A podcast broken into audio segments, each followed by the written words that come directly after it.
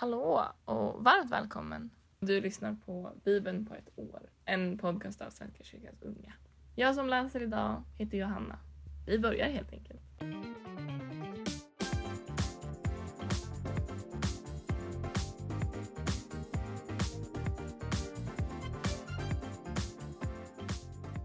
Vi börjar med en liten bön. Gud, tack för helg. Tack för vila. Ber att du kommer med lugn och ro till oss alla. Ber att vi får tid för återhämtning.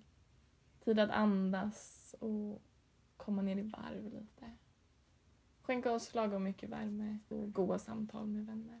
Ber att du med oss inför den här bibelläsningen. Mm, öppna vårt hjärta inför ditt ord.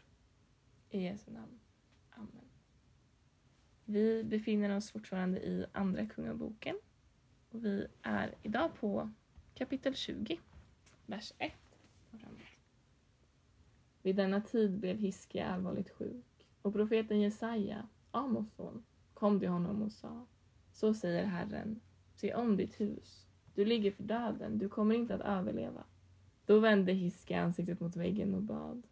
Herre, tänk på att jag troget och av hela mitt hjärta har hållit mig till dig. Jag har gjort det som är gott i dina ögon. Och han grät häftigt. Innan Jesaja hade hunnit lämna den mellersta borggården kom Herrens ord till honom. Gå tillbaka och säg till Hiske, försten över mitt folk. Så säger Herren, din fader Davids Gud. Jag har hört din bön och sett dina tårar. Jag ska göra dig frisk igen. I övermorgon får du gå upp till Herrens hus. Jag lägger ytterligare 15 år till ditt liv och jag ska rädda dig och denna stad ur den assyriske kungens hand. Ja, jag ska värna denna stad för min och för min tjänare Davids skull. Sen lät Jesaja hämta en kaka fikon. Den la man på det onda stället och Hiskia blev frisk. Hiskia frågade Jesaja, vad är då tecknet på att Herren ska bota mig så att jag i övermorgon får gå upp till Herrens hus? Jesaja sa, detta är tecknet Herren ger dig på att han ska göra vad han har lovat. Ska skuggan fortsätta tio trappsteg eller gå tio steg tillbaka? Hiskia svarade. Det är lätt för skuggan att ta tio steg framåt. Nej, låt den gå tio steg tillbaka. Då ropade profeten Jesaja till Herren och han lät skuggan på trappan gå tillbaka de tio steg som den redan tagit nedför Aschas trappor. När kungen av Babylonien, Berodak Balladan, Balladans son, hörde att Hiskia varit sjuk men blivit återställd skickade han ett brev och en gåva till honom. Hiskia gladde sig åt sändebudens ankomst och visade dem hela sitt förrådshus med silver och guld, kryddor och välluktande oljor samt sin rustkammare och allt som rymdes i hans skattkamrar. Det fanns inte något i palatset eller i hela riket som han inte visade dem. Då kom profeten Jesaja till kung Hiskia och frågade honom vad männen hade sagt och varifrån de kom. De har kommit från ett fjärran land, svarade Hiskia, från Babylonien. Vad fick de se i ditt palats? frågade Jesaja. Fisken svarade, allt som finns i mitt palats. Det finns inte något i mina skattkamrar som jag inte visade dem. Då sa Jesaja, hör Herrens ord. Det kommer en dag då allt som finns i ditt palats ska föras bort till Babylonien. Allt som dina fäder har samlat fram till nu. Ingenting ska lämnas kvar, säger Herren. Bland de söner som kommer att födas åt dig, ditt eget kött och blod, ska några tvingas till hovtjänst i den babyloniske kungens palats. Hiskia svarade, det är ett gott ord som du har kommit med från Herren. Han tänkte att så länge han själv levde skulle det råda fred och trygghet.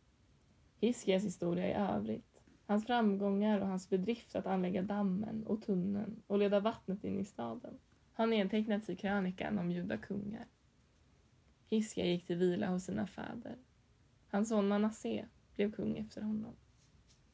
Manasseh var tolv år när han blev kung och han regerade 55 år i Jerusalem. Hans mor hette Hefsiba. Han gjorde det som var ont i Herrens ögon och följde de vedervärdiga bruken hos de folk som Herren hade drivit undan för israeliterna. Manasse återställde de offerplatser som hans far Hiskia hade förstört. Han reste altaren åt Baal och gjorde en asherapåle, liksom Israels kung Ashab hade gjort. Och han tillbad och dyrkade himlens hela härskara, som han byggde altare åt i Herrens hus, fastän Herren hade sagt Jerusalem ska jag göra till hemvist för mitt namn. På de båda förgårdarna till Herrens hus byggde han altaren åt himlens hela härskara. Manasseh lät också offra sin son på bålet. Han bedrev häxeri och trolldom, andebesvärjelse och spådomskonster och gjorde mycket som var ont i Herrens ögon och väckte hans vrede. Han lät tillverka en asherabild som han satte upp i templet fastän Herren hade sagt till David och hans son Salomo detta hus och Jerusalem som jag har utvalt bland alla Israels stammar ska jag för alltid göra till hemvist för mitt namn. Jag ska aldrig mer jaga bort israeliterna från det land jag gav deras fäder, om de bara håller allt jag befallt dem, hela den lag som min tjänare Mose gav dem. Men de lyssnade inte, utan Manasse kunde förleda dem till att göra mer ont än det folk som Herren hade röjt undan för israeliterna. Då talade Herren genom sina tjänare profeterna. Eftersom Manasseh, kungen av Juda, har bedrivit dessa skändligheter, värre än vad allt amoréerna gjort före honom, och eftersom han med sina gudabilder dessutom har förlett Juda till synd. Därför säger Herren, Israels Gud, ska jag låta en sådan olycka drabba Jerusalem och Juda att det kommer att skrälla i öronen på alla som får höra om den. Det mätsnöre jag spände ut över Samaria och det sänklod jag använde på Achavs ett ska jag också använda på Jerusalem.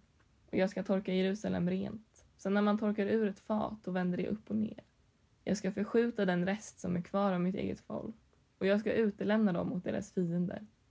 De ska bli ett byte och ett rov för alla sina fiender, därför att de har gjort det som är ont i mina ögon och ständigt väckt min vrede, allt ifrån den dag deras fäder drog ut ur Egypten och ända till nu. Det var inte nog med att Manasse hade förlett Juda till synd, så att de gjorde det som var ont i Herrens ögon. Han lät dessutom så mycket oskyldigt blod flyta att det fyllde hela Jerusalem. Manasses historia i övrigt, hans bedrifter och de synder han begick, har nedtecknats i krönikan om judakungar. Manasse gick till vila hos sina fäder och begravdes i trädgården till sitt palats, Ussas trädgård. Hans son Amon blev kung efter honom. Amon var 22 år då han blev kung och han regerade två år i Jerusalem. Hans mor hette Meshullemet, Harus dotter, från Jotva. Han gjorde det som var ont i Herrens ögon, liksom hans far Manasse hade gjort. Han följde helt i sin fars spår och dyrkade de gudabilder som hans far dyrkat och tillbad dem. Herren, sina fäders Gud, övergav han och följde inte Herrens väg. Men Amons män sammansvor sig mot kungen och dödade honom i hans palats. Folket lät döda alla dem som sammansvurit sig mot kung Amon och utropade sedan hans son Josia till kung efter honom. Amons historia i övrigt, hans bedrifter, har nedtecknats i krönikan om judakungar. Han begravdes på sin gravplats i Ussas trädgård. Hans son Josia blev kung efter honom. Josia var åtta år då han blev kung och han regerade 31 år i Jerusalem. Hans mor hette Jedida, Adajas dotter, från Boskat. Han gjorde det som var rätt i Herrens ögon och följde helt i sin fader Davids spår utan att vika av åt något håll. Vi hoppar till Apostlagärningarna och där är vi på kapitel 21, vers 18. Vi läser fram till vers 36. Nästa dag gick Paulus tillsammans med oss andra hem till Jakob och dit kom också alla de äldste. Sedan han hade hälsat på dem redogjorde han noggrant för allt som Gud hade utfört bland hedningarna genom hans arbete. De prisade Gud för vad de fick höra och sa till Paulus. Du vet, broder, att det finns tiotusentals troende bland judarna och alla håller de strängt på lagen. Nu har de fått höra att du lär alla judar ute bland hedningarna att överge Mose och förklara för dem att de inte ska omskära sina barn och inte leva efter våra seder och bruk. Vad gör vi nu? De får säkert veta att du är här. Följ därför vårt råd. Här finns fyra män som har avlagt ett löfte. Ta med dig dem och rena dig tillsammans med dem och betala för dem så att de kan låta raka huvudet. Då förstår alla att det inte ligger någonting i det som de har fått veta om dig, utan att också du håller fast vid lagen och lever efter den. Men när det gäller hedningar som har kommit till tro har vi meddelat vårt beslut.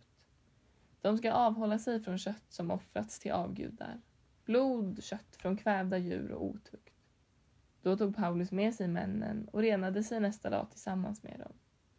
Sen gick han till templet och tillkännagav när renhetstiden skulle vara avslutad och offer bäras fram för var och en av dem. Strax innan de sju dagarna var slut fick judarna från Asien syn på Paulus i templet. De hetsade upp folkmassan och tog fast honom och ropade Israeliter, kom och hjälp till! Här är mannen som överallt sprider en lära som riktar sig mot vårt folk och vår lag och denna plats.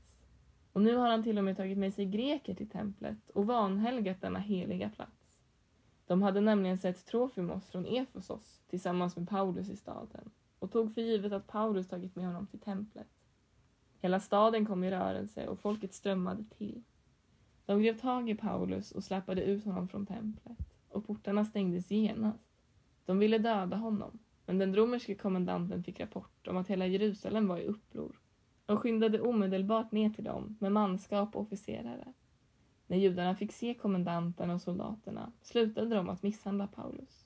Kommendanten steg fram, arresterade honom och lät belägga honom med dubbla bojor. Och sen frågade han vem det var och vad han hade gjort. Det kom olika svar ur hopen och då han i allt tumultet inte kunde få klart besked lät han föra Paulus till fästningen. När man hade fått honom till trappan måste soldaterna bära honom. Så våldsam var trängseln, för massan följde efter och skrek ”Döda honom!” Vi hoppar till Saltaren och läser psalm 150, vilket också är Saltarens allra sista psaltarpsalm. Det går så här. Halleluja! Prisa Gud i hans helgedom. Prisa honom i hans höga himmel. Prisa honom för hans mäktiga gärningar. Prisa honom för hans väldiga storhet. Prisa honom med hornstötar. Prisa honom med harpa och lyra. Prisa honom med tamburin och dans. Prisa honom med stränga spel och flöjt. Prisa honom med klingande cymbaler. Prisa honom med jublande cymbaler. Allt som lever och andas skall prisa Herren. Halleluja. Och till sist Ordspråksboken kapitel 18, vers 9 och 10. Den som försummar sitt arbete är vandalens like. Ett befäst torn är Herrens namn. Den rättfärdige flyr dit och får skydd. Det var dagens läsning. Tack för att ni var med. Ha en fin dag så hörs vi igen imorgon. Vi